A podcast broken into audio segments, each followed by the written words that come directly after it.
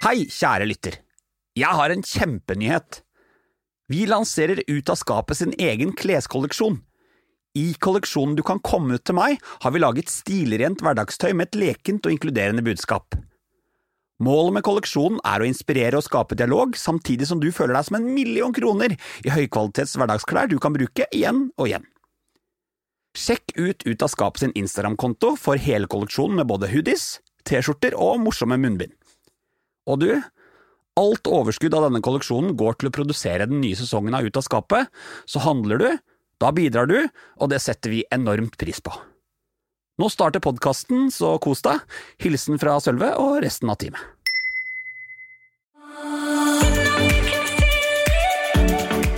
I dag slipper jeg Mia Landsem løs i Ut av skapet. Det var veldig sånn i starten at jeg, eh, kanskje, kanskje jeg tidlig i livet mitt ikke sant, fikk presentert den typiske eh, man skal være med dame, man må gifte seg med drømmemannen sin. Eh, det er sånn ja, Mia, har du fått deg en eh, type eh, fra besteforeldre, ikke sant? Så jeg tror jeg på en måte veldig sånn tidlig fikk implementert den tanken i hodet at jeg må være i et forhold med en mann. Mm. Eh, men så var det på en måte OK for meg å ha, å ha sex med en dame. Eh, men det har jo endra seg veldig med alderen. Da kjenner jeg mer på at jeg, kan absolutt bli forelska i begge kjønn. Eh, det er ikke mange årene siden jeg crusha skikkelig på en uh, jente. Og jeg kan ennå kjenne på den følelsen eh, hvis jeg har vært på Tinder eller drar på Tinder-date med noen, at det liksom Det er den samme følelsen jeg får med gutter som jeg får med jenter nå i voksen alder. Mia hjelper folk med å være trygge på nett. Hun er bosslady, og hun er helt rå på å hacke seg inn hos folk. På den lovlige måten, da. I denne episoden snakker vi om det å være bifil, om hevnporno, bildemisbruk og hvordan det er å være en dame med en tydelig stemme i en verden full av sinte gutter og menn. Kos deg med Mia på øret, dette er en kvalitetsdame.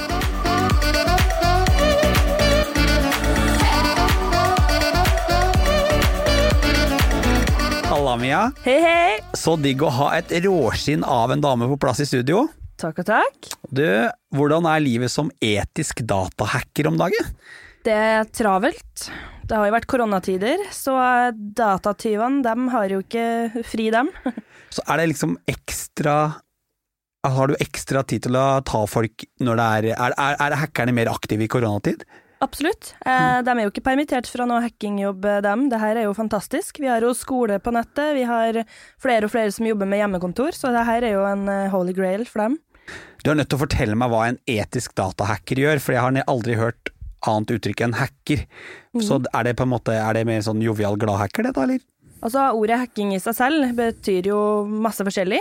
Eh, hacking er ikke alltid ulovlig. Mm. Derfor ordet etisk hacker eh, vil si at du på, eh, på oppgave fra en bedrift, f.eks., eh, angriper deres systemer eh, med lov for å finne feil før de slemme hackerne gjør det. Så for eksempel før en app skal gis ut, eller før den nye iPhone kommer ut, eller et nytt program, en nettside, så eh, gjør man en såkalt sikkerhetstesting. Og det blir gjort av pentestere, eller etiske hackere, da, som man kan kalle det. Så du er på en måte en kvalitetssikrer? På en måte, før ting lanseres eller underveis, for å avdekke feil før de slemme folkene ser dem. Aha, men jeg vet jo også at du jobber litt privat, mm. så så du kan, altså er det sånn, når du jobber, når du hjelper folk, for du vet at du gjør, du har hjulpet mange med å rydde opp i altså nettkriminalitet og drit og møkk, jobber du også privat ved siden av, eller jobber du fulltid for et firma? Eh, jeg har fått meg jobb nå, for jeg ble levert faktisk siste eksamen i går. Eller i natt. Ja, ja. Eh, sånn at jeg har gått eh, nettverk og IT-sikkerhet, og så har jeg fått meg fulltidsjobb som da sikkerhetstester hos et firma fra august. Så men hva slags altså, type arbeid har du gjort fram til i dag, da?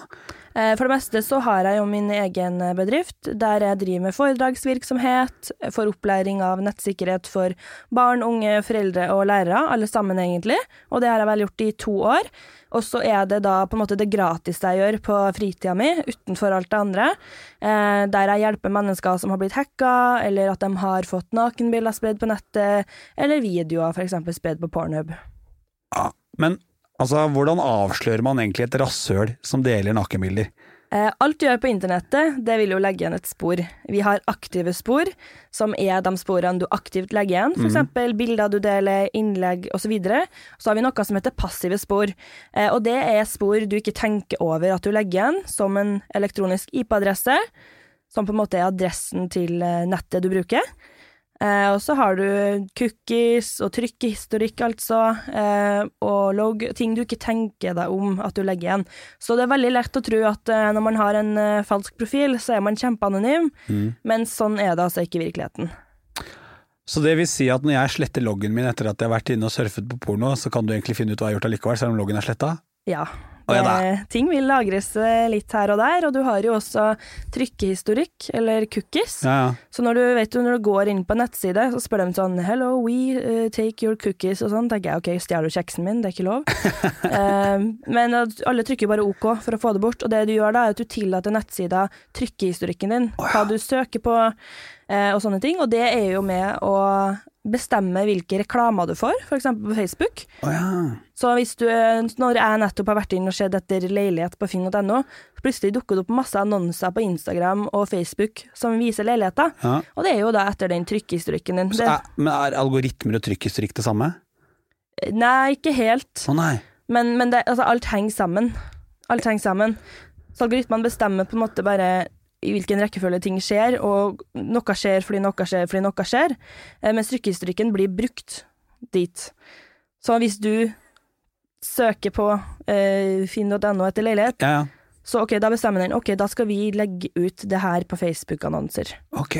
In, in a way. Det er litt sånn vanskelig å forklare, men eh, alt du trykker på, alt du søker på, vil eh, bli lagra et sted. Altså, Første gang jeg hørte om hackere, det var jo sånn på 90-tallet, hvor det var sånne eh, beinharde nerds som satt på gutterom og eh, knuste store firmaer. Har hackerne liksom forandra seg litt? For Før så følte jeg at hackere var litt shady business, men nå sier jo du at du jobber som etisk hacker. Har liksom hackerne blitt tatt inn i varmen fordi at de kan bidra med noe? Det har jo faktisk sånn at, eh, at eh, altså Windows og altså, andre store bedrifter, de legger jo faktisk ut eh, f.eks. for eksempel systemtesting, Mm. og så sier de den hackeren som klarer å finne sikkerhetsfeil her, vinner 10 000 kroner. Ah. så det er jo faktisk en business. Du har forskjellige typer hackere. Du har black hat. Ok. Det er de hackerne som er badass og slem. Eh, du har white hat, sånn, sånn som meg. Mm. Hackere som på en måte etisk og, og gjør ting på en lovlig måte. Altså Robin Hoods? ja, på en måte sånn. Ja. Eh, men så har du grey hat, som balanserer litt imellom det som er lovlig og ikke, ja. men som akkurat ikke bryter loven.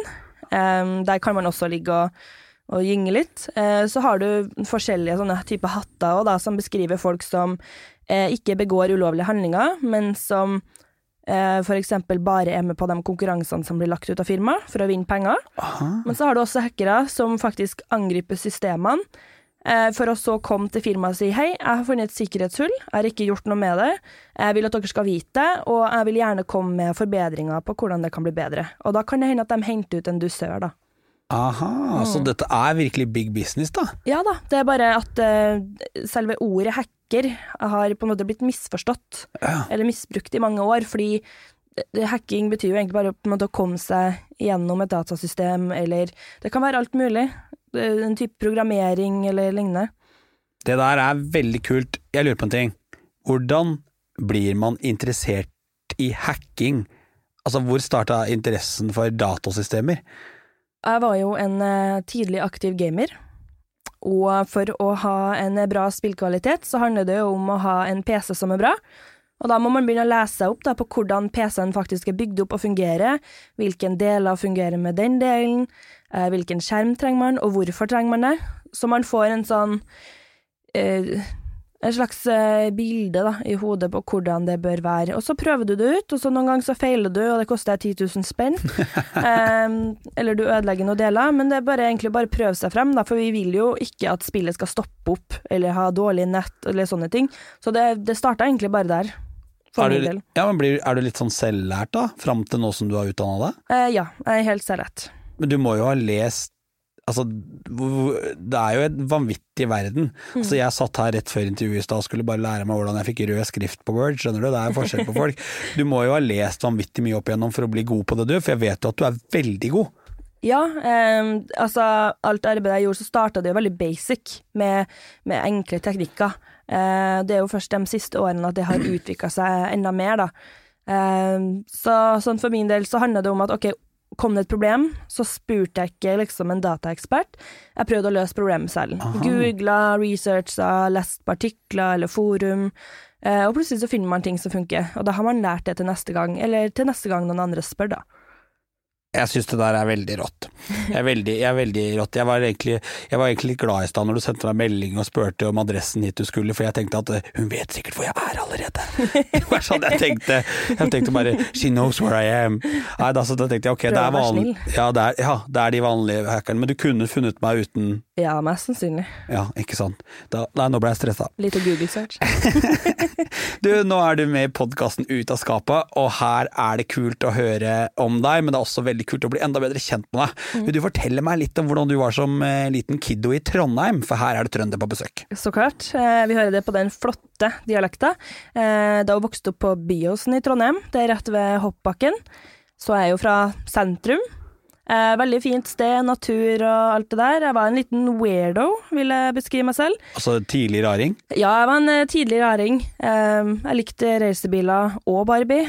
Eh, Jeg likte eh, både jentemagasiner og guttemagasiner. Kunne gå fra eh, Fea og hekser til Spiderman og Supermann.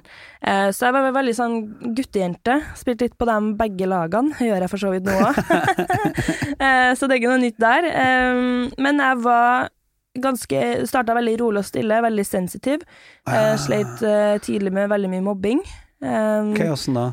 de syntes vel at jeg var litt rar, da. At det ikke var helt kult at jeg var med og leka med guttene på fotballen, og ikke jentene på håndballen. Eh, jeg tror jeg brøyt de der kjønnsstandardene. skjønnsstandardene. Eh, så jeg gjorde liksom mye, og jeg var veldig god til mye. Jeg var flink i gym, jeg var flink i sang, skuespill og faglig sterk. Eh, og det var det veldig mange som ikke likte. Og utover når jeg begynte med gaming, så syntes ikke guttene at det var noe kult at jeg var flinkere enn dem. Ah. Så de hata meg. Um, Så du har knust stereotyper eh, egentlig helt fra du var liten, du da? ja.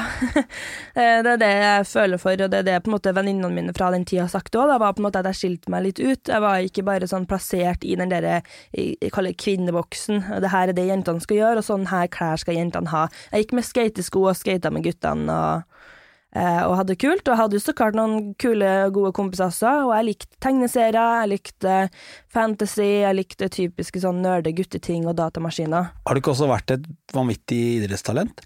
Eh, jo, jeg var på landslaget i taekwondo, Ah, ja.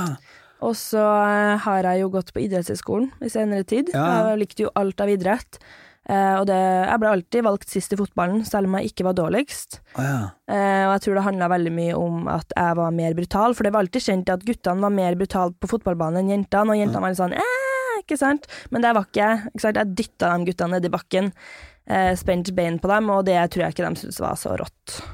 Er det, var det viktig for deg å være tøff? Ja, det var Jeg var jo ikke så tøff de første årene, men jo mer de plaga meg, jo tøffere ble jeg. Eh, gikk fra at jeg begynte å grine bare de kalte meg Han ene kalte meg Grønnis eller Snørris. Ja, Dennis, det er deg hvis du hører på. Eh, og han eh, var fordi jeg hadde en grønn, fin, ny jakke, da. Oh, ja. Og da kan jeg begynne å grine av det. Eh, men så blir du på en måte plaga over så lang tid at jeg var ikke den som trakk meg mer unna. Jeg var den som brukte det på en måte til noe positivt. Men åssen Hvordan klarer man det, da? Hvordan klarer man når man står for Mobbing er jo beinhardt, Mm. og man føler seg jo enormt ensom. Hadde du noen som visste om det her, som backa deg, som du alltid kunne lene deg på når det var tøft, eller sto du helt alene oppi dette? Jeg hadde liksom en og to venninner som hang mest med, eh, men så ble hun ene som var bestevenninna mi, ble på en måte mer og mer populær. Mm. Hun ble venn med den mest populære på trinnet, og hun sto liksom og sjangla litt mellom oss to. For jeg fikk jo ikke lov til å være med hun kuleste. Nei. Eh, så det ble litt trøbbel tidlig der. Eh, jeg vet ikke helt hvordan jeg kom meg helt ut av det. Jeg hadde veldig støttende foreldre. Det ble liksom noen telefonsamtaler hjem til de verste guttene som faktisk også har utført voldelige ting. Ja. De eh, slo, de dytta og sparka, og eh, ting ble liksom fysisk da, etter hvert. Og jeg tror det var da jeg på en måte våkna litt, at jeg på en måte måtte stå mer opp for meg selv, så jeg banka mobberen min. Ja. Han eh, kom i gangen og sparka til meg, og dytta meg hardt i Fordi på veggen så var det sånne kroker til jakkene. ja, jeg. Så jeg slo ryggen min skikkelig der, og da kjente jeg bare at det svartna helt for meg. Jeg ble dritforbanna. Eh, jeg var jo mye større enn han, så jeg løfta han med en arm og slengte han i bakken. Ja. Eh, og han har aldri klart å se meg i øynene igjen.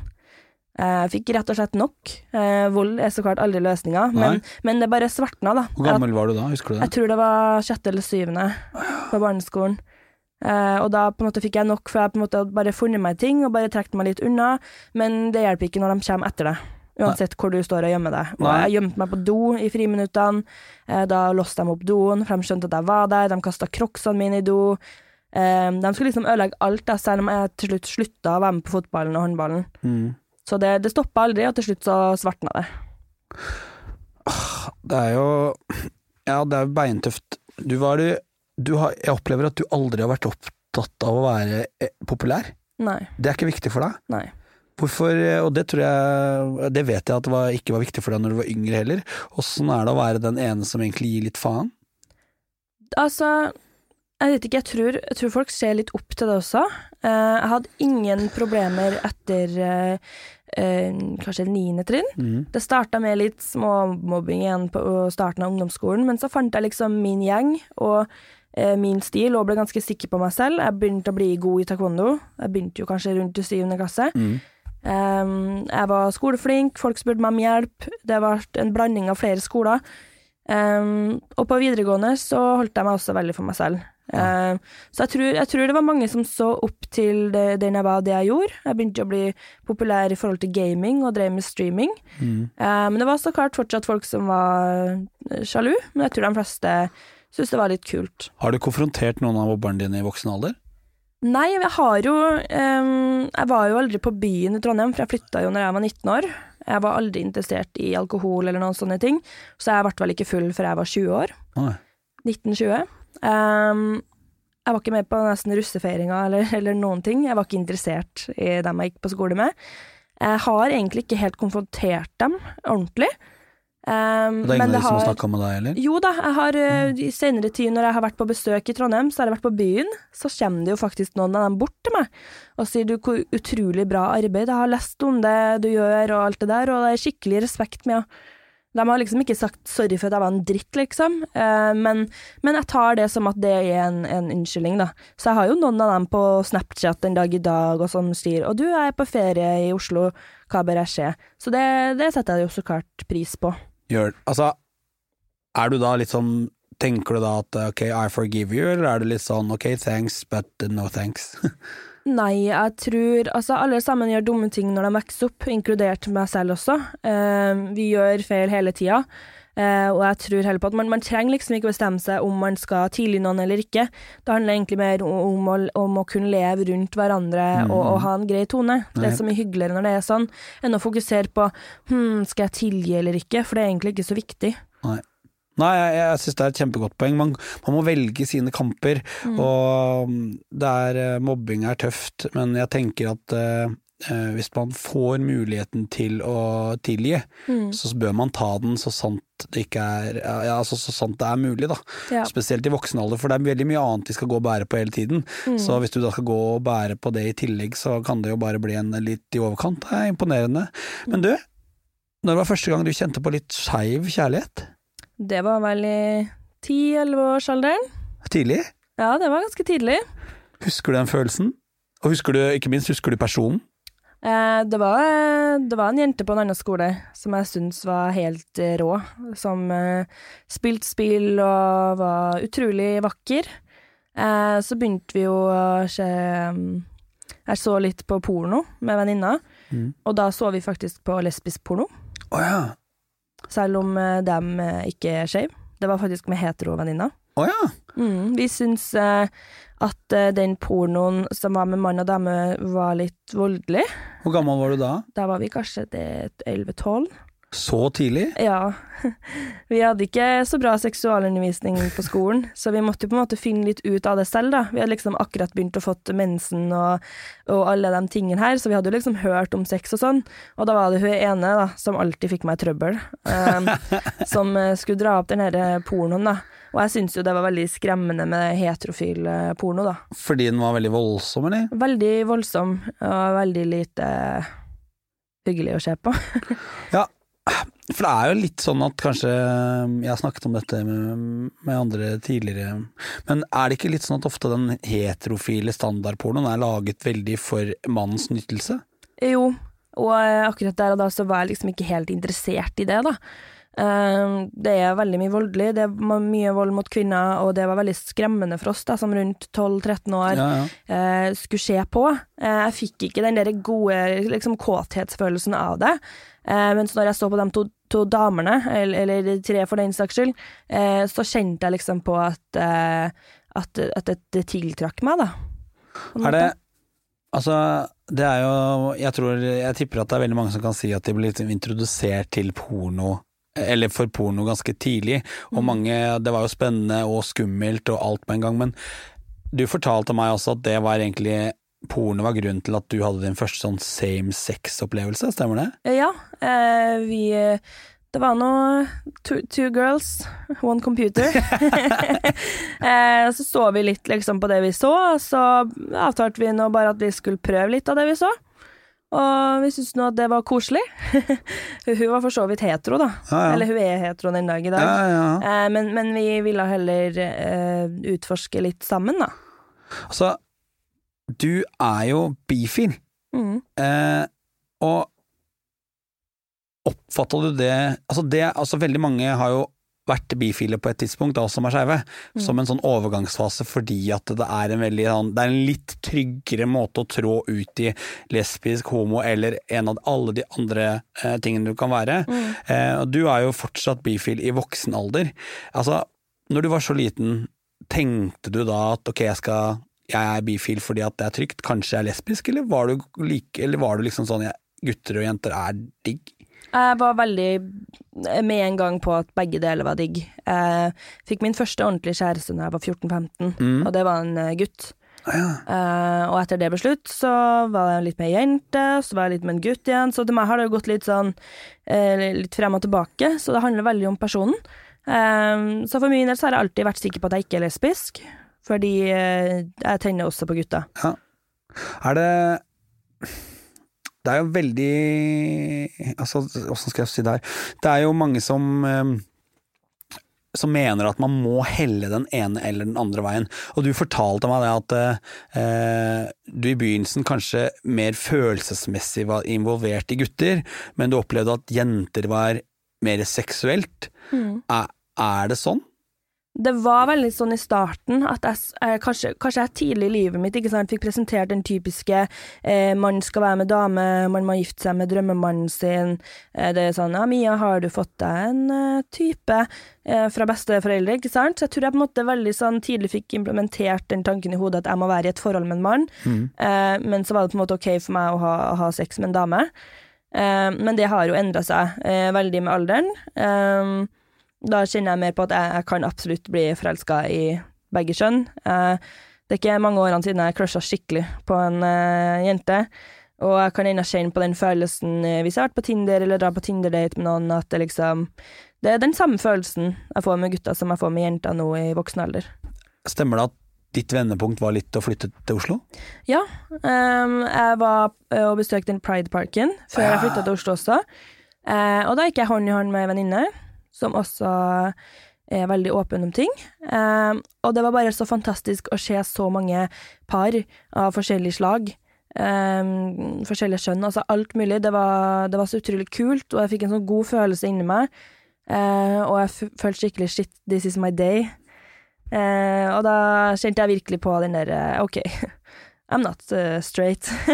Også, det er jo, man kan jo, vi snakker, har snakket om det så mange ganger, men det her å bare få lov til å se andre skeive og oppleve og normalisere, det kan jo være altså Når jeg sier vendepunktet for deg, så var det jo da du kanskje innså at eh, Det var jo da du begynte å skjønne at jeg liker gutter og jenter like godt. Er det Jeg må spørre om dette her. Er det, er det ting, egenskaper de ulike kjønn har som tiltrekker deg mer? Er det noe du liker ved gutter som du syns er bedre ved gutter? Er det noe du liker ved jenter som syns er diggere? Det kan da være sånn rent psykososiale ting og fysiske. Mm. Tenker du på det? Det? Har du noen favoritter, eller er det bare menneske, liksom? Det, det er veldig sånn eh, varierende. Jeg føler jeg er mer kresen på gutta, utseendemessig og personlighetsmessig, enn det jeg er på jenter. Jeg tror det er fordi jeg syns jentekroppen virkelig bare er helt stygt vakker, liksom. Mm, mm. Eh, damer er vakre, og de viser mer følelser, de viser mer forståelse enn det gutta gjør. Jeg føler at eh, veldig mange menn eh, er veldig dominerende, eller har lyst til å dominere meg. Eller alltid skal være den som gjør ting, eller spesielt i senga så er menn mer egoistisk. Mm. Um, og ikke minst på byen så er gutta litt mer ekkel. Uh, derfor så hooker jeg bare med jenter på byen. Tar ikke med meg gutta hjem. For gutter er heslige på byen. Ja, de, er- de, de er veldig klåing og sånn, og jenter er litt mer uh, sensuelle. Uh, så jeg, jeg, jeg tror det kanskje handler litt om det, da, at jeg ikke vil føle meg overkjørt. Jeg vil ikke føle at jeg er mindre verd enn den andre i forholdet, for da kan jeg veldig fort føle meg veldig, uh, veldig klemt, uh, veldig liten, og sånn er ikke jeg. Um, og det gjelder jo kanskje på personligheten, og jeg liker jenter som er litt tøff. Um, gutta så har de ikke noe er ikke den typiske høy, mørk eller, eller lys, høy har ikke noe preferanse sånn sett. De må heller ikke ha tatoveringer Hva er preferanse på personlighet, da? Er det noen ting du setter pris på med gutter? Hvis du treffer Ja. en gutt som er sånn, hva er det du liksom kjenner at ah, det her er digg? Uh, må absolutt ha humor, Ja. Eh, og tåle eh, grov humor, og tåler at jeg også kommer med en vits. Står veldig sånn eh, veldig på latter. Eh, at man skal klare å le mye, og at det ikke skal være stille i løpet av en samtale. Da. Man skal ha ting å snakke om, og man trenger ikke ha eh, like hobbyer eller eh, sånn for den saks skyld, men bare at man skal være litt morsom. Du sa til meg at gutter og jenter reagerer litt ulikt på byen, eksempel, hvis du forteller at de er bifil. Mm. Hvor, hva mener du med det?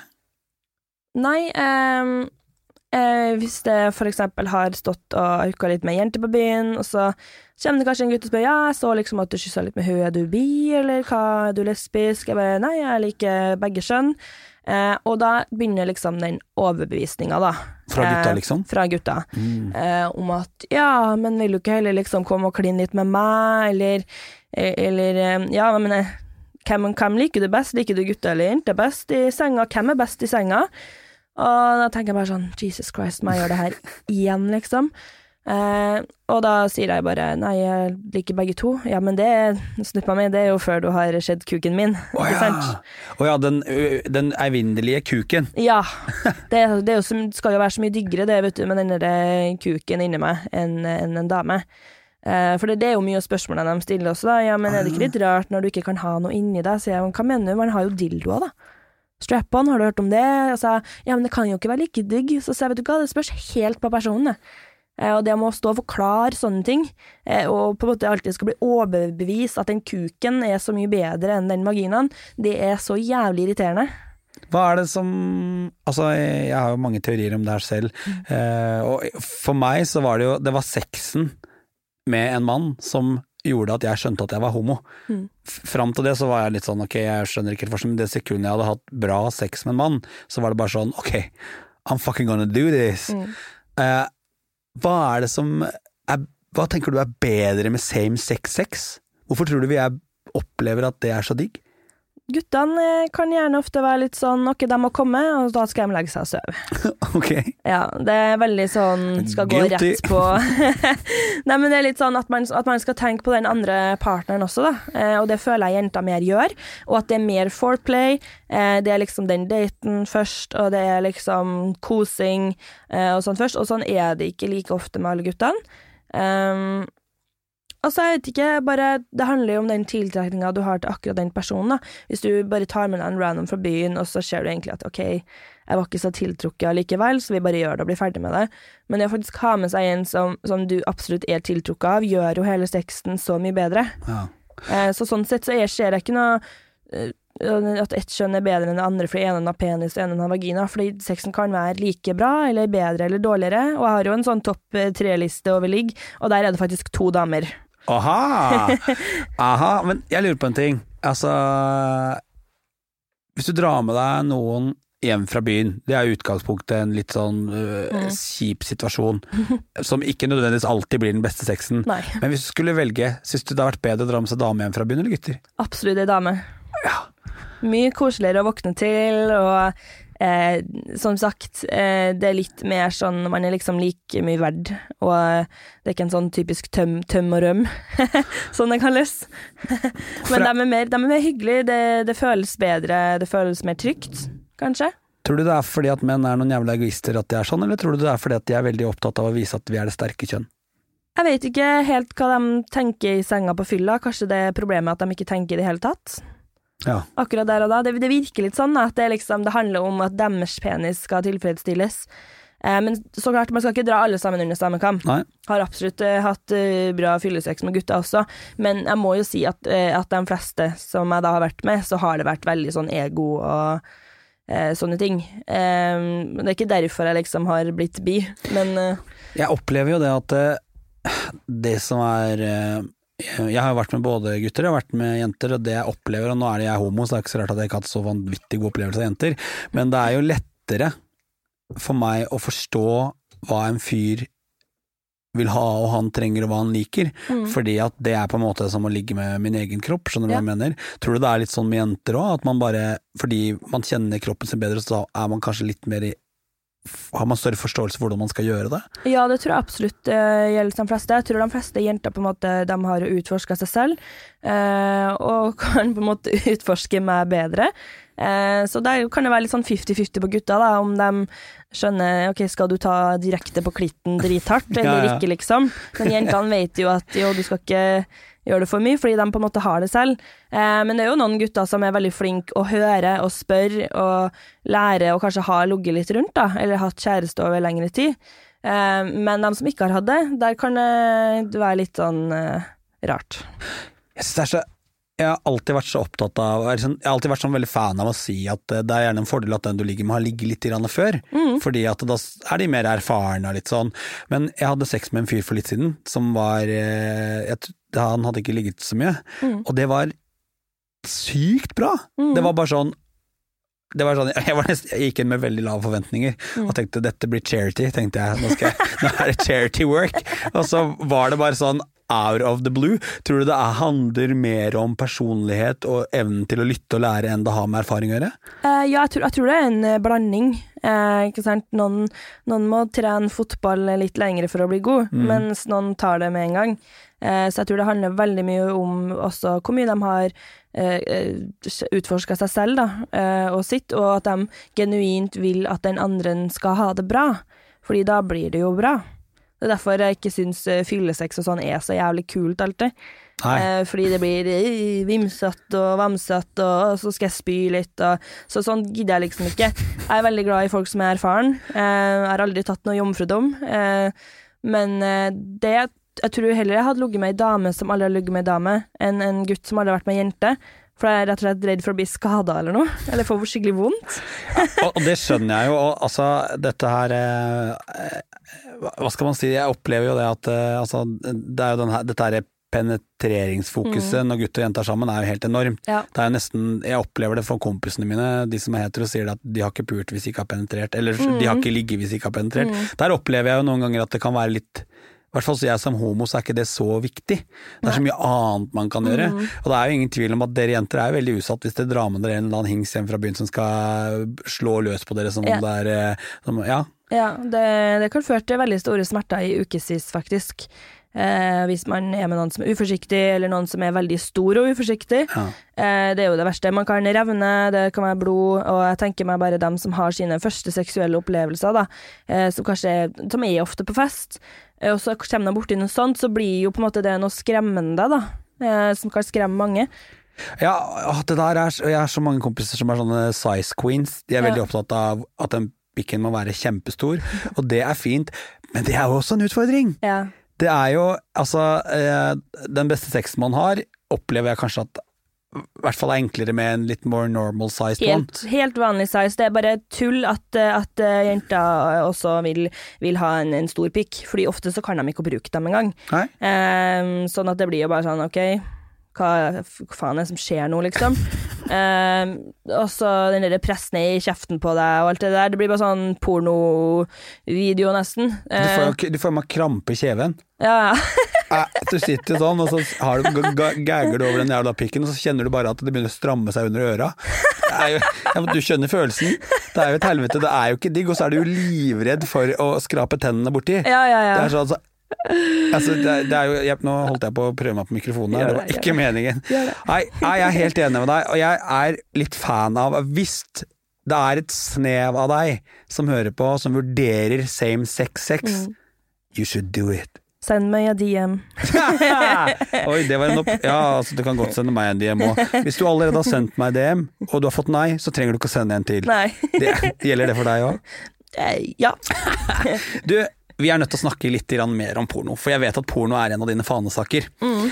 Eh, og så er det litt sånn eh, Vi har snakket litt om at det var på en måte din, in, din intro til sex, og, eh, og kanskje forstå at du var bifil. Mm. Eh, hva er liksom forholdet ditt til porno i dag? For jeg vet at du jobber med det du gjør, Mm. og da ser jeg kanskje ikke for meg at det er, like, det er litt sånn som jeg jobber med trening, og jeg syns det er jævlig slitsomt å prate om trening når jeg ikke er på jobb. Mm. Åssen er det med deg som faktisk Du jobber jo med porno eh, og hevnporno og barneporno Mm. tidligere. Hvordan er forholdet ditt til porno da? Klarer du å hente nytelse fra det, liksom? Altså, når man researcher porno, Ja. så ser man jo hvor mye human trafficking det er, hvor mye barneporno som spres, og hvor mye av den såkalte hevnpornoen og image abusen faktisk blir delt på pornografiske sider. Eh, og når du ser på loggen min på PC-en, så står det Pornhub hver dag. Ja. Og det er rett og slett fordi folk er jævlige. De sprer sexvideoene til kjærestene sine eller bekjente eller ukjente på Pornhub. De adder et ord, 'Norwegian teen gets uh, banged', eh, Ja, ja. sånne ting. Eh, og du ser jo det at under korona og siste årene så har de mest søkte ordene vært teen og Norwegian til oss her i Norge. Oh, ja. Vi har ikke noe Mia Khalifa her i Norge. Vi har Hvem ikke noe Mia kjent, Khalifa? Det er en kjent pornostjerne. Jeg trodde, oh ja, jeg trodde det var liksom eh, karrierenavnet ditt. Er det karrierenavnet mitt? Ja. Ja, nei, fortsett. Ja, ehm, eh, altså det, det, Vi har ikke noen kjente pornostjerner fra Norge som Nei. alle sammen vet navnet på, så da lurer jeg på hvorfor søker de Norwegian? Da er det jo fordi de ser etter amatørvideoer og, eh, og image abuse. Da ser de jo etter ting som er hjemmevideoer eller som er spredd av andre. Eh, og det har ødelagt eh, porno helt for meg. Jeg ser ikke på porno i det hele tatt. Um, jeg vil ikke være med å gi penger til eh, et stort firma eller en aktør som ikke tar ansvar.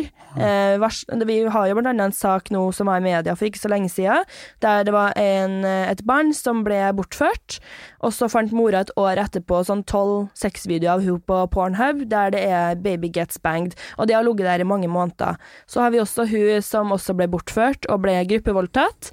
Eh, hun fant også videoene sine i ettertid på Pornhub, og hun måtte altså da eh, late som hun var en advokat for å få det fjerna fra Pornhub. De bruker mange dager, uker, måneder på å fjerne ulovlig bildemateriale på Pornhub, og så tar det ti sekunder å laste opp. Absolutt alle kan laste opp video der. De må ta ansvar. For ja, det der er veldig Jeg har et menneske jeg er veldig glad i, som har opplevd akkurat det der. Opplevde å få eh, sexen sin filma og lagt ut på Pornhub, og vedkommende brukte veldig lang tid på å bli kvitt det, og opplevde egentlig bare litt sånn Altså, når, når du da tar kontakt med nettsiden, så er det vel sånn Sorry, vi kan ikke hjelpe deg. Eh, og det, det, er det ikke sånn at du må, du må jo claime opphavsrett og Ja. Eh, som regel så har de en eh, Pornhub, har jo ulike skjema du kan fylle inn, som er report abuse eller image abuse, revenge porn eh, og child abuse og child porn. Eh, det er noe som heter DMCA, som på en måte er declam declaration av opphavsretten din, at Ja. du har krav til ditt eget bilde. Eh, det hører de som regel på eh, når det gjelder Pornhub og andre proffsider. Men på de andre sidene og forumer og nettsider som kun er laga for å trakassere dem som blir publisert, eh, så kan du ikke fjerne i det hele tatt, med mindre det er barnepornografi. Du må gjøre litt sånn begrepsforklaring for oss, fordi mm. jeg brukte ordet hevnporno. eh, Og da var du egentlig litt raskt ute og rette på meg. Er det bedre uttrykk? For jeg tror de fleste skjønner hva hevnporno er, men er det litt sånn feilaktig bruk? Det er jo ulovlig bildedeling, Ja. eh, eller på engelsk image-based abuse. Ja. Og bildet er jo ikke bare et bilde, fordi en video er jo masse bilder, så det gjelder både video og bilder. Um, det, ordet hevnporno er jo satt opp av to ord, det er hevn og porno. Eh, og hvis jeg random nå tar kameraet mitt under her og drar av deg buksa og tar bilde av pikken din, og så legger jeg ut det på internett, så kan man fort tenke ja, det er sånn hevnporno. Uh, men hvorfor skulle jeg ha tatt hevn på deg? Nei. Hva har du gjort meg? Ikke sant? Så, eh, og det at noen andre deler videre og deler videre og deler videre, og deler videre, så til slutt havner jo hos person personer som ikke engang vet hvem den på bildet er. Så hvorfor skal vi da kalle det hevnporno? Hevnporno er jo da gjerne en Du slår opp med eksen din, og så deler eksen dine rundt. Det Ja. kan vi kalle hevnporno. Er det vanlig? Eh, ja, det er vanlig, men ikke så vanlig som man skulle tro. Eh, mesteparten av delinga handler om flørting og det å tøffe seg for venner. Ja, for, for det lurer jeg på. Har du eksempler på ting vi gjør som kanskje som vi ikke ser alvoret i? Skjønner du hva Ja. jeg mener med det? For jeg, eh, ja, for det tenker jeg at kan jo være en reality. Altså plutselig, altså Har du en gang sendt noe, eller posta det, så vil du for alltid være der. Det er jo ikke alle som deler fordi de ønsker noen noe vondt, det er jo veldig mye nysgjerrighet. Eh, og som sagt så er den meste delinga da flørting, eller, eller bare til venner for å tøffe seg, eller nysgjerrighet, ikke hevn. Eh, og da kan det hende at det, La oss si at du kommer over et bilde av meg, da, og så tør du kanskje ikke å si ifra til meg. Uh, så sender du bildet til en kompis bare 'Herregud, jeg fant det her bildet av Mia på nettet, jeg vet ikke hva jeg skal gjøre'. Og da har du faktisk vært med på spredninga, Ja. uten at du har ment noe vondt med det. Eh, plutselig så har den kompisen sendt til en annen kompis 'Shit, se, hva han sendte meg i chatten i dag', da. Og så, sånn går det videre, og så plutselig er det lagt ut på en Facebook-gruppe. Og så er det en greie. Og da blir det en greie. Så det er veldig mye sånne ting. Og så er det jo gjerne, når vi var yngre, så var det kjempegøy å låse opp doen og ta et bilde, eller ta bilde i dusjen og sånne ting. Eh, og jeg tror det er fordi mange ikke tenker over at, at det havner så utrolig mange steder. Nei. De tenker bare det er gøy der og da, og legger det ut på Snapchat-storyen, og så eh, Dessverre så er det dårlig. Det var jo blant annet en eh, jente som ble dømt for å ha spredd en oralsexvideo fra en russebuss. Mm. Og hun hadde jo da bare filma det, at, hun, at det ble utført oralsex på en jente. Mm. Og så ble det lagt ut på Story i bare noen minutter, og så fjerna. Men da har jo folk allerede lagra det. Ja, men For dette er jo det jeg lurer på. Nå har det jo vært flere caser i media med eh, spredning av nakenbilder. Og når er man skyldig? Man er skyldig med en gang man bare viser det bildet eller det, deler det videre. Eh, spesielt så gjelder jo loven eh, paragraf 311, som handler om bilder som seksualiserer barn. Ja. Mange tenker at det er barn som i barnbarn, eh, 12-13-åringer, eh, men ifølge den loven så gjelder det her alle barn. Og ifølge norsk lov så er man et barn inntil man er fylt 18 år. Det vil si at alle nakenbilder eller videoer eller undertøysbilder av dem under 18 år er ulovlig materiale. Og det handler ikke kun ø, om, om videredeling eller sending av bilder, det handler om å ta, oppbevare og sende videre. Ja, because I was fucking mind blown eh, et par-tre uker, for et par-tre uker siden. For det jeg var, på, jeg var på en tur, og så hadde vi med oss en, en jurist eller en advokat der, eh, som jobber annet med sånne saker, og hun fortalte det at det er veldig få nordmenn som er klar over det, da. Mm. eller hun som var klar over det at eh, du Sølve, du kan date en fyr som er 17 år, og ligge med han, og ta med deg ut, og dere kan ha vanlig datingliv, men hvis du har nakenbilder av ham på telefonen din, så er det ulovlig. Mm, oppbevaring. Oppe, er ikke det litt Altså, er det ikke litt rart? Hvorfor kan vi ikke bare ha grensa på 18 eller 20? Hvorfor Er det ikke litt rart at det er sånn Jeg kan ligge med en 17-åring, men jeg kan ikke ha nakenbilder av han? Det er, det er jo eh, litt forskjell, da, fordi det at du har ligget med han, kan på en måte ikke få konsekvenser for han på hele internettet eller hele Nei. verden. Det er på en måte Godt noe poeng. som er mellom dere, men en video eksempel av at dere ligger sammen, kan være med å ødelegge for karrieren.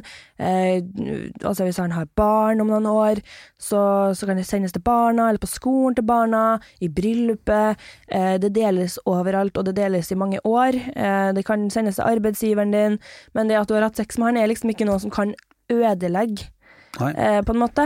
Um, Så her- all sex med samtykke kan i utgangspunktet være noe fint? Ja, absolutt. Ja, Eh, Så, så lenge begge sammen er med på det, så er det jo fint. Men det at det filmes Ok, det er mange som filmer også og syns det er fint, og mange som tenker det har ikke noe å si at jeg har det på galleriet, men så har vi jo masse iCloud-hacking.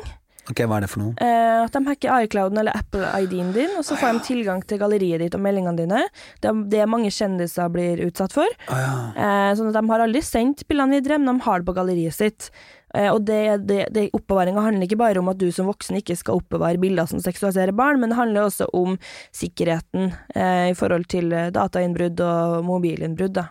Du fortalte meg noe, eh, jeg vet jo at du jobber med å rydde opp i annet barneporno, Mm. og du fortalte meg noe som jeg var litt, eh, hva skal jeg si, som overraska meg litt. Grann. Mm. Eh, du sa at, jeg, at barneporno faktisk er big business, og at det kanskje ikke er så amatørmessig som det jeg tror. Fordi Ja. hvis du, du spurte meg når vi snakket sammen før den podkasten, liksom, hvis du skal beskrive barneporno, hva ser du for deg? Og da, sånn Oppi hodet mitt da, så ser jeg for meg sånn grisete, mørkt rom, madrass, ekkel mann, dårlig filmkvalitet. Mm. Men du fortalte meg at barneporno er big business. Ja, eh, det er også en av grunnene til at eh, porno er helt ødelagt for meg.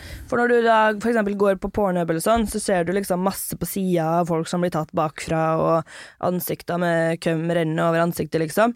Eh, og du kan se for deg da barnepornosidene som er på det mørke nettet, er pornhub, Ja. bare med barnefjes.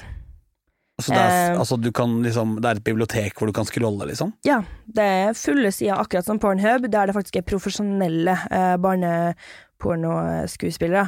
Eh, de er kledd opp i klær, prinsessekroner, de eh, viser at de nyter det de gjør i videoen. Eh, det er ikke skriking, blod og gørr som mange ser for seg. Det er mange som må få opp øynene for at det her det er ikke bare skriking og den voldsomme greia, det er faktisk profesjonell pornofilm. Så det fins folk som livnærer seg på barneporno. Ja, eh, spesielt i mange av de fattigste landene, f.eks. i Filippinene. Det har jo stått mye i media om menn som eh, bestiller direktesendt overgrep av barn. Mm. Eh, og det er jo rett og slett, de får kanskje bare en 500-lapp da, for å voldta ungen sin på kamera, men for dem så er det veldig mange penger. Eh, og sånn driver de businessen sin og for at familien skal ha tak over hodet og, og så videre, da. Eh, og de her større pornosidene, så tjener de jo inn litt mer, og det er jo ikke bare barn i Filippinene. Det her er jo i Skandinavia, i USA og overalt. Men jeg lurer på en ting.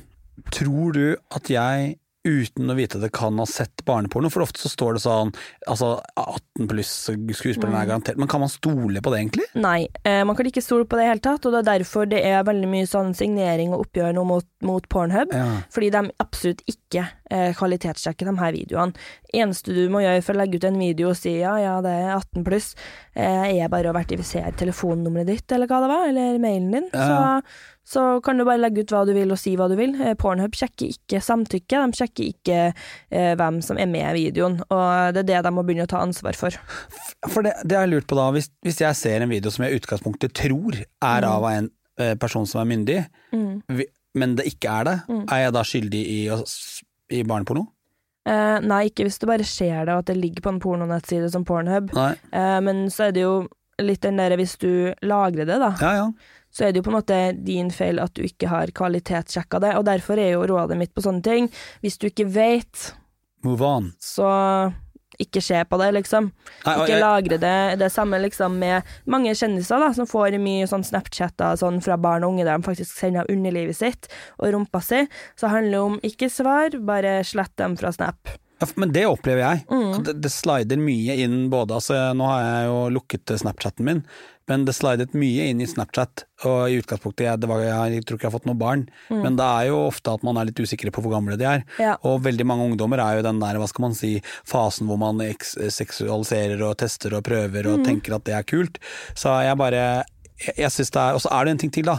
Du, uansett om du ser på ved et uhell, eller hva det faen måtte være, så er det jo veldig viktig at den ene viewen er jo med på å bygge opp under en helt forferdelig industri. Ja, og da kan man jo rapportere videoene. Hvis du ser veldig godt at det her er et barn, så kan du som regel trykke på en rapporteringsknapp. Ja. Eh, Så det handler om å ta litt ansvar der, og ikke bare krysse ut også, men at du faktisk rapporterer når du ser f.eks. en overgrepsvideo, eh, om det er en voksen eller et barn. Um, det er jo samme med dyremishandling. Eh, at Ta deg tida til å rapportere. Ja, og det tar deg ti sekunder å rapportere det til Instagram eller Pornhub. Mm, mm. Eh, Så hvis alle sammen på en måte gjør sin dugnad, så Det litt bedre. sin del av dugnaden, så blir det litt bedre. Jeg lurer på en ting. Tror du vi blir litt forvirra av porno? Altså, Tror du porno ødelegger synet vårt på sex og seksualitet? Ja, det er jo som vi snakka litt om, veldig laga for menn. Da. At eh, kanskje folk tenker at ok, det er jeg som skal bli penetrert. Eh, det er meg som skal ha det sånn og sånn. Jeg må finne meg i å bli klaska i trynet eller kvert. Eh, altså, pornoen har jo bare blitt mer og mer voldelig. Altså, den blir jo drøyere og drøyere. Ja, det er jo rene skuespillere av voldtekt, ikke sant? Eller, eller fuck schoolgirl og it, uh, fucking horny teen. Altså, det er jo helt nasty. Jeg tror det er både mange som kan få ideer om å faktisk gjøre de her greiene i virkeligheten. Eh, det har jeg for så vidt merka òg. Plutselig blitt slått i trynet uten at noen har sagt noen ting, ikke sant? Da slår jeg faen meg tilbake, ass. Eh, men jeg, men jeg kan tenke meg liksom Tenk deg noen som har sitt første møte med sex, og så første de møter, de blir choka og eh, får en kuk ned i halsen, liksom, og, og blir slappa i trynet. Og så bare ja, jeg må bare finne meg det her, fordi det her har jeg sett før. Ja. Man, eller man kanskje skal lure på ok, kommer jeg til å bli kvalt nå, hva som skjer, blir jeg revet i håret? Um, så det er mange som får sånne ideer fra pornoen, så jeg tror liksom synet er så ødelagt på det. Uh, så jeg kommer aldri til å se på porno for noe pleasure igjen. Nei, jeg ble veldig Jeg hørte en podkast, en, en amerikansk podkast med Altså, som det er noen homser som har den. Um, og de snakket om en pornoside som er veldig populær, som jeg ofte kan se dukker opp på Pornhub, Ja. uh, som heter Family Dick. Mm. Og de normaliserte den siden og sa ja, den er så vakker og det er så fint samspill mellom ung og gammel og Ja. alt og sånn. Så ble jeg sånn Men hele det navnet skriker jo Ja. incest. Yes.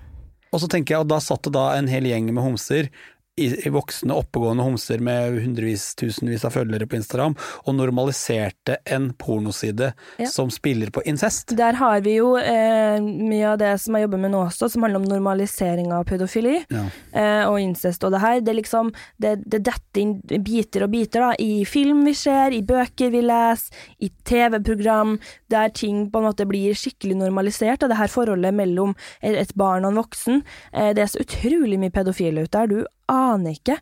Eh, jeg ser så mye sykt. Det er så mange som har en sånn seksuell preferanse for barn. Eh, og det blir så normalisert i det samfunnet vi har. Vi har tekster, vi har bøkene. Eh, vi har en egen bok, en bok som er kjempepopulær, som eh, Lolita, som Ja. eh, normaliserer det. Og så ikke minst har det blitt normalisert av Disney siden vi var små. ja. Det er masse eh, pedofili i Disney-filmer, eh, eller ting som er veldig seksualisert, og det er jo ting jeg ikke har tenkt over før i voksen alder. Det er visse ting, Hvis jeg får barn, så er det visse ting de ikke skal se på. ja. Så jeg tror det blir litt sånn satt inn i hodet vårt på en måte, at det normaliseres så mye at vi syns det er ok. Det er ikke ok. Det er ikke greit å seksualisere barn. Nei. Nei. Nei, overhodet ikke, og jeg bare Jeg syns det er så viktig at man kanskje da er litt bevisst. Mm. Eh, og så er det jo den her evige, evige problemet som man snakker om, at eh, rullegardina går litt ned når man er kåt. Mm. Men enkelte ting sier seg faen meg sjøl. Ja, det gjør det. Det er, det er voksne som må ta ansvar. Ja. Eh, og det er så få som på en måte gjør det, da. Eh, og, og det, ikke sant, det å være en, en pedofil, så er det på en måte i navnet det at, at du tenner jo på de eh, barna før puberteten. ja, for det er det det betyr. liksom, før pubertet. Ja, ja. Eh, de tenner ikke på bryster og sånne ting, men så er det jo mange pedofile som har kone og, og barn, men fortsatt har en tiltrekning mot barn. Jeg vet ikke helt uh, hvordan man skal forklare uh, pedofilen annerledes. Nei, det er i hvert fall ekstremt viktig å være kritisk. Og du nevner jo noe her som er Man kan se en veldig sånn eh, forstyrra seksualitet ut av porno. Og jeg vet at du jobber med mye, du jobber jo også med foredrag og reiser rundt. Og du møter ekstremt ofte sinte unge gutter og menn. Mm. Hvorfor er gutta, våre unge gutter, så innmari sinte og frustrerte om dagen? De har eh, feil forbilder, eh, for det verste. De syns det er kult. eh, og de blir vel litt skremt av alle damene som kommer opp og frem. For hva er det du har opplevd? Hva opplever du hvis du er ute og holder foredrag? De holder opp antifeministisk propagandaplakater, det er gå og heng deg selv, de henger opp uh, bilder av meg med en pistol mot hodet på do. Altså, Er dette på skoler, eller? Dette er på skole, ja. Um, de buer på meg. Um, så får jeg jo gjerne en melding etterpå fra noen og bare Yo, sorry for at jeg bua, det foredraget ditt var faktisk jævlig bra. Ja. De blir servert propaganda fra eh, antifeminister eh, om at eh, vi er farlige, og vi er sånn og sånn. Vi skal ta over verden, vi hater menn. Um, Hva er, hva er et dårlig forbilde, da? dårlige forbilder er jo mennesker som som, som, sier falsk, eh, som gir falsk informasjon, da, med eh, å ødelegge hodet til ungdommer, sånn at de skal gjøre eh, ting som de mener igjen, da, eh, vil jeg si. At de, de gir det dårlig eh, Hva heter det? Dårlig innflytelse. Ja, ja, men tror du, tror du den her kult, altså sosiale medier og reality-kulturen er med på å ødelegge unggutta? Ja, altså du ser jo veldig mye på sånn Paradise og Ex on the Beach, da, hvor mye kvinnen blir seksualisert, da. Eh, det handler liksom om å pule flest damer og, uh, og lignende. Um, jeg tror det er mange som på en måte har lyst til å være sånne mennesker. Um, ikke minst så begynner folk nå tidligere og tidligere med dop. Uh, det gjorde de jo ikke når jeg gikk på ungdomsskolen, nå er det jo fullt av det. Mm. Um, det, de blir litt ødelagt av sosiale medier, så vi må være veldig kritiske til det. Eh, skulle gjerne ønske jeg ikke hadde noen sosiale medier i det hele tatt. Ja, jeg, jeg la merke til en ting som ble delt nå, og, eh, og det er denne her normaliseringen f.eks. av narkotikabruk. Jeg følger en, uh, følger en side som i utgangspunktet er litt sånn humorside, som delte to influensere satt på åpen Ja. gate og snorta Ja. kokain. Uh, og jeg bare var sånn En ting er jo at de var uheldige og ble filmet, Ja. men en annen ting er jo at de er så avslappa til narkotikabruk Ja. at de sitter på åpen gate og snorter fra en stein. Det der er jo ting jeg har eh, du vurdert lenge og uttaler meg litt om også. For absolutt når jeg har vært mye i media og sånn, så har jeg jo blitt både kjent med masse kjendiser og blitt invitert på fester, også med reality-folk. Eh, og det er så sinnssykt mye idrettsprofiler og realityshow og, og generelt kjendiser som alle liker, som tar så mye dop. Altså, jeg sto Jeg var eh, på Aker Brygge for Ja. litt siden, og sto ved siden av en tidligere veldig stor eh, idrettsstjerne, Mm. som sto og dro striper på vasken på fellestoalettet, og var høy Ja. som et fjell. Ja. Og, eh, og samme person selger jo kolleksjoner og diverse ting, og, Mm. og, og, og, og slår seg jo opp mot barn og ungdom. Mm. Og jeg blir bare litt sånn er, altså Nå er vi, drar vi den praten her over på noe annet, men det er jævlig frustrerende Mm. Ja. at narkotika er blitt så normalisert. Og så, så gir dem eh, narkotika til unge også. Eh, Ja. Jeg har vært på mange av de festene og ser hvor unge de jentene er, og at alle de her idrettsprofilene, eh, musikerne, de ligger med jenter 15-16-17 år. Mm. Eh, og det syns jeg er veldig merkelig. Eh, når man har veldig mye annet å velge mellom, så kan man kanskje holde seg over 18 år. Eh, og man propper dem full med dop, og det er liksom Det er jo rene exit-verden. jeg ønsker ikke å være en del av den. Jeg trekker meg jo unna sånne fester. Men det der er jo? Det er narkotika, det er porno, det er den pedofilgreia. At det liksom er greit for kjendiser å ha sex med jenter 16 år, eller 15 år. Eh, alt henger sammen. Man må bare si at alt henger faktisk sammen.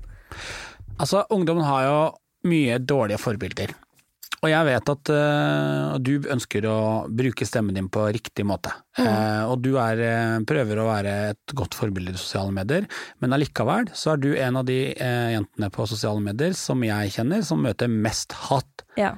Hvorfor er det sånn at du som prøver å gjøre en innsats, og andre jenter, jeg kan nevne altså, hvis jeg skal nevne jenter som jeg ser møter veldig mye hat, så kan jeg snakke om deg, jeg møter Sofie Frøysa, eh, Martin Halvorsen, Iselin Guttormsen, de får så enormt mye hat. Hvorfor er det sånn at når en kvinne prøver å, å bruke stemmen sin på en god måte, så hater vi det? Jeg har ikke peiling. Eh, de skal liksom finne piss vi sa når vi var 12-13 år, og eh, bare finne enhver ting for å hate oss. Det er liksom Nei, de kan ikke være perfekt. Det er det ingen som er, og det har vi ikke sagt at vi er heller. Eh, men jeg tror de bare føler litt på den der de, de får den der propagandaen, ikke sant. Feminister skal ta over verden, vil ta vekk rettigheter fra menn. Eh, de serveres det her daglig gjennom videoer og, og mannegruppa Ottar og alt det der. De, henger seg jo på. De, får, de vokser opp med å få det her inn i hodet sitt. Eh, Så jeg tror ikke de kan helt for det alltid. De blir på en måte litt hjernevaska av de her gruppene og forumene og videoene. Hva slags type hat har du opplevd? Det er jo alt mulig sånn på dem på foredragene. Eh, så er det jo blant annet at jeg så anmeldt eh, politiet en drapssyssel jeg fikk for noen dager siden, som du Ah. så på Insta. Ja. Da hadde jeg akkurat vært på tog, og så får jeg en melding etterpå at eh, jeg burde passe meg for å være på toget fordi jeg kan bli knivstukket, hi-hi. Eller håper du blir Nei, det var håper du blir knivstukket på toget, eh, watch out. Um, det er mye drapstrusler, jeg måtte flytte. Uh, de følger etter meg på gata, de filmer meg, uh, filmer hvem jeg er med, kontakter arbeidsgiver, besøke besøker meg på jobb, gamle jobben min, så jeg måtte slutte.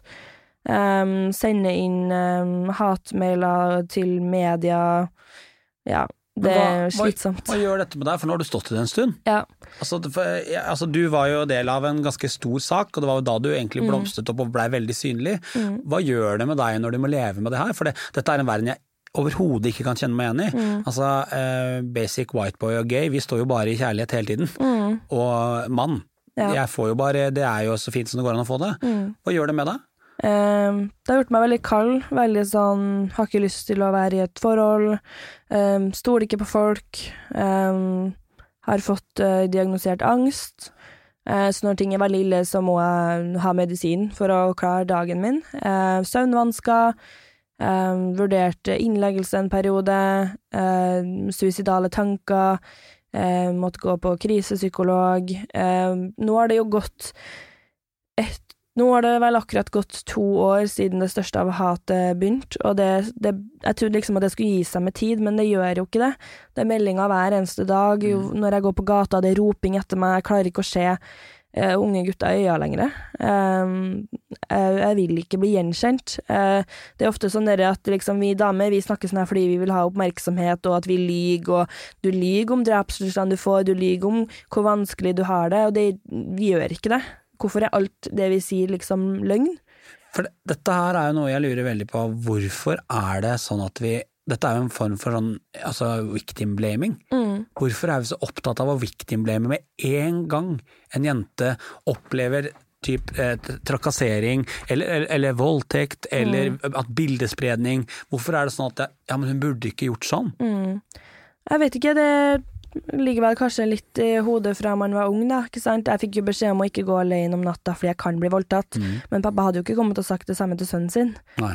Eh, så sånne ting blir liksom lagt i hodet at eh, storebrødrene skal beskytte eh, småsøstrene sine, eller storesøstera si, ikke sant. Eh, det er alltid mannen som skal beskytte kvinnen, og at kvinnen er så utrolig sårbar alene. Og når det først skjer oss noen ting, så er det vi som burde ha vært mer forsiktige. Og det er spesielt med bildedeling, så er det mye kommentarer ja, men det er jo bare å ikke ha nakenbilder av seg selv, så løser det problemet. Og så sier jeg å ja, kanskje jeg bare ikke skal gå ut døra mi for å ikke bli voldtatt? Det vil jo løse problemet. Å nei, vent, mange av voldtektene skjer jo hjemme, kanskje jeg bare skal bo alene også? Og låse døra mi? Shit, kanskje jeg bare skal ha døra mi låst hele tida?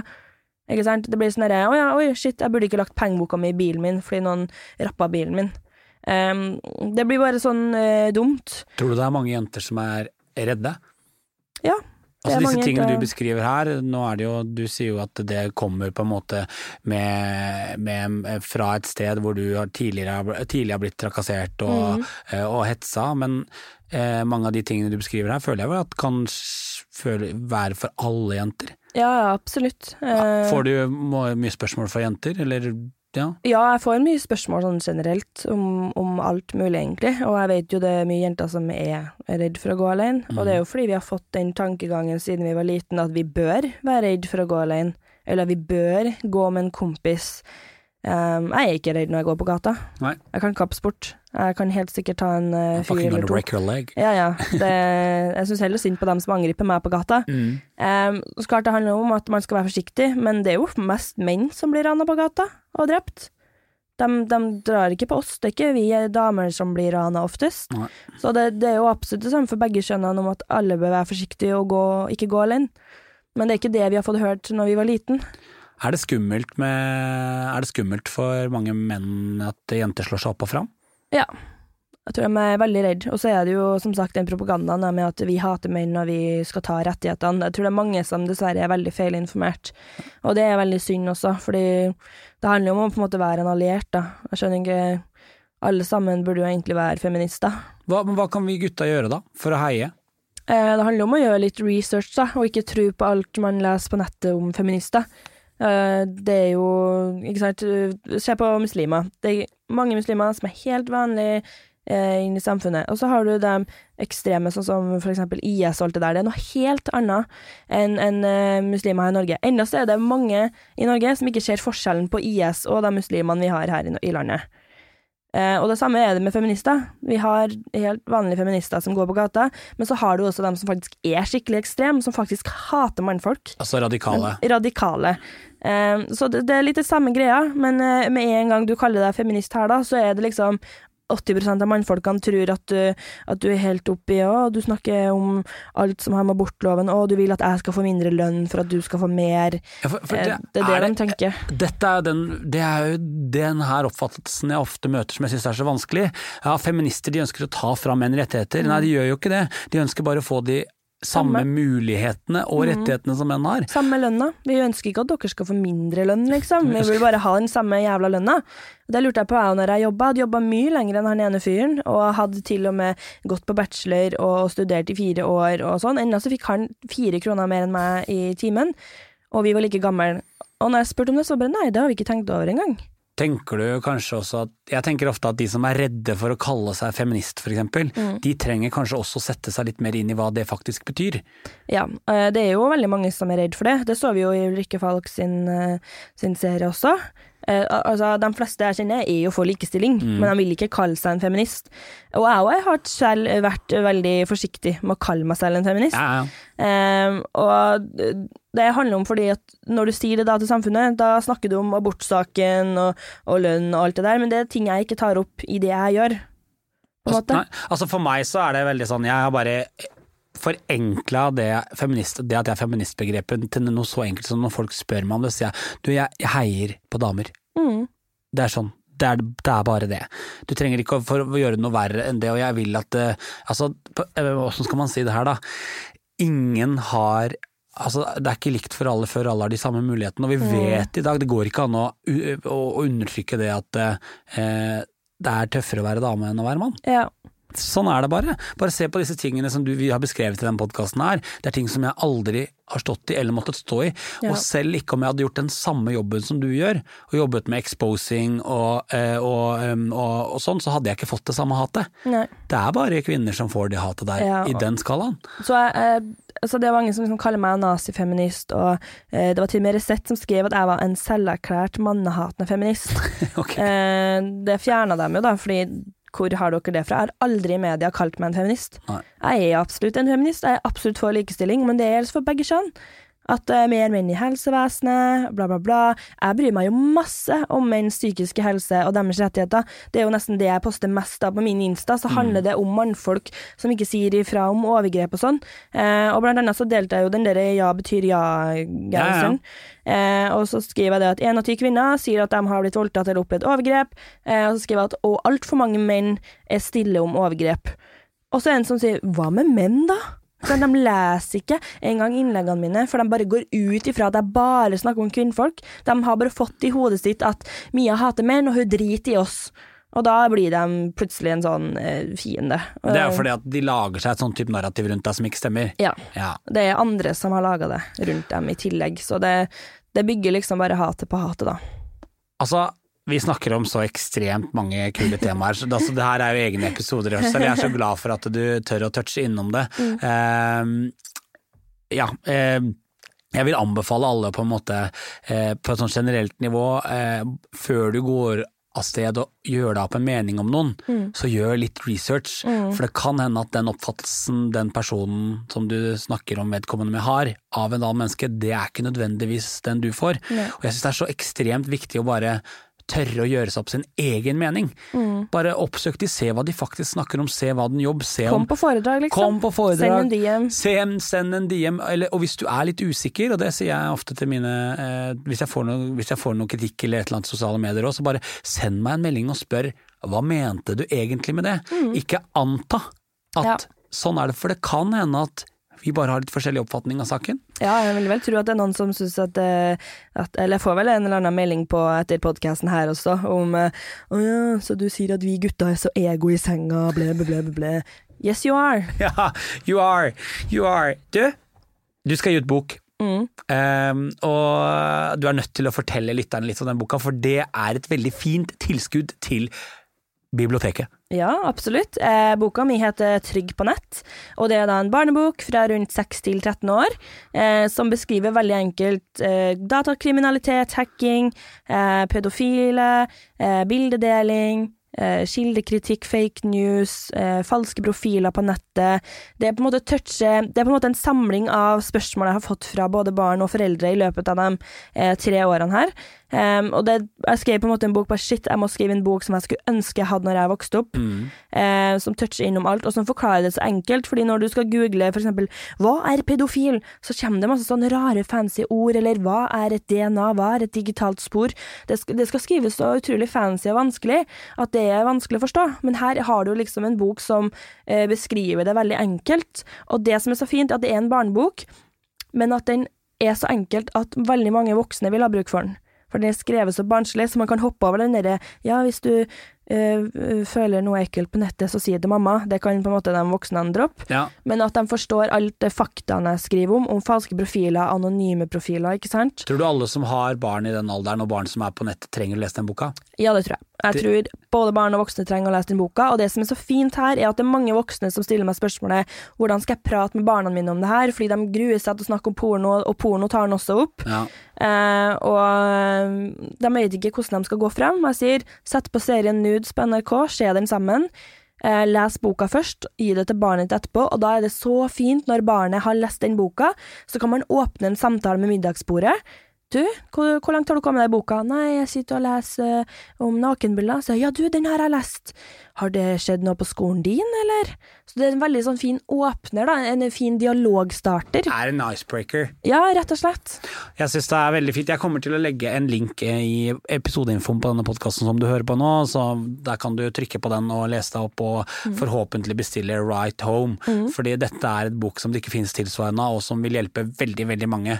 Og jeg bare, ja, jeg har mange venner nå som er i den alderen hvor barna begynner å utforske på nett. Og det, disse tingene du skriver om er de største bekymringene. Ja. Er barnet mitt trygt? Og det er akkurat det du skal eh, angripe her. Du Mia, det er så deilig å ha deg på besøk. Du er et så fantastisk inspirerende menneske, og jeg har en jeg, jeg har en forkjærlighet for sterke damer. Jeg syns det er veldig kult å følge deg og se alt du står i, og måten du på en måte eh, Ja, hvordan du bare tørker av deg på driten og går videre. Og leverer kule, kule produkter og ja, skriver bøker og bidrar til at folk faktisk skal ha det litt bedre. bedre. Du Mia, på slutten av podkasten så pleier jeg alltid å spørre de som er på besøk her, om de har et litt sånn det trenger ikke å være et skeivt råd, men en ting, et råd som lytterne kan ta med seg inn i hverdagen for at den skal bli litt mer forståelsesfull og inkluderende, eller kanskje litt mindre skremmende. Har du en ting du har lyst til å si til dem? Ja, det her er egentlig til eh, de hetero boysene som hører på. Eh, ikke minst ikke bare være eh, ego, men eh, også at hvis du ser to jenter som flørter sammen og kliner på byen, La oss si at det er meg og en annen dame. Ikke kom bort til meg og prøv å overbevise meg at den store kuken din er bedre enn vaginaen til hun jenta jeg står med. Fordi det er hun jeg står med, og ikke deg. Og det der er jo ting som har skjedd, ikke sant. Så ikke, kom og overbevis eller spør om du kan være med på trekant. We, we don't want you to join. Hei gutter, dere må slutte å overbevise bifile om at de må svinge den ene eller den andre veien. Yes.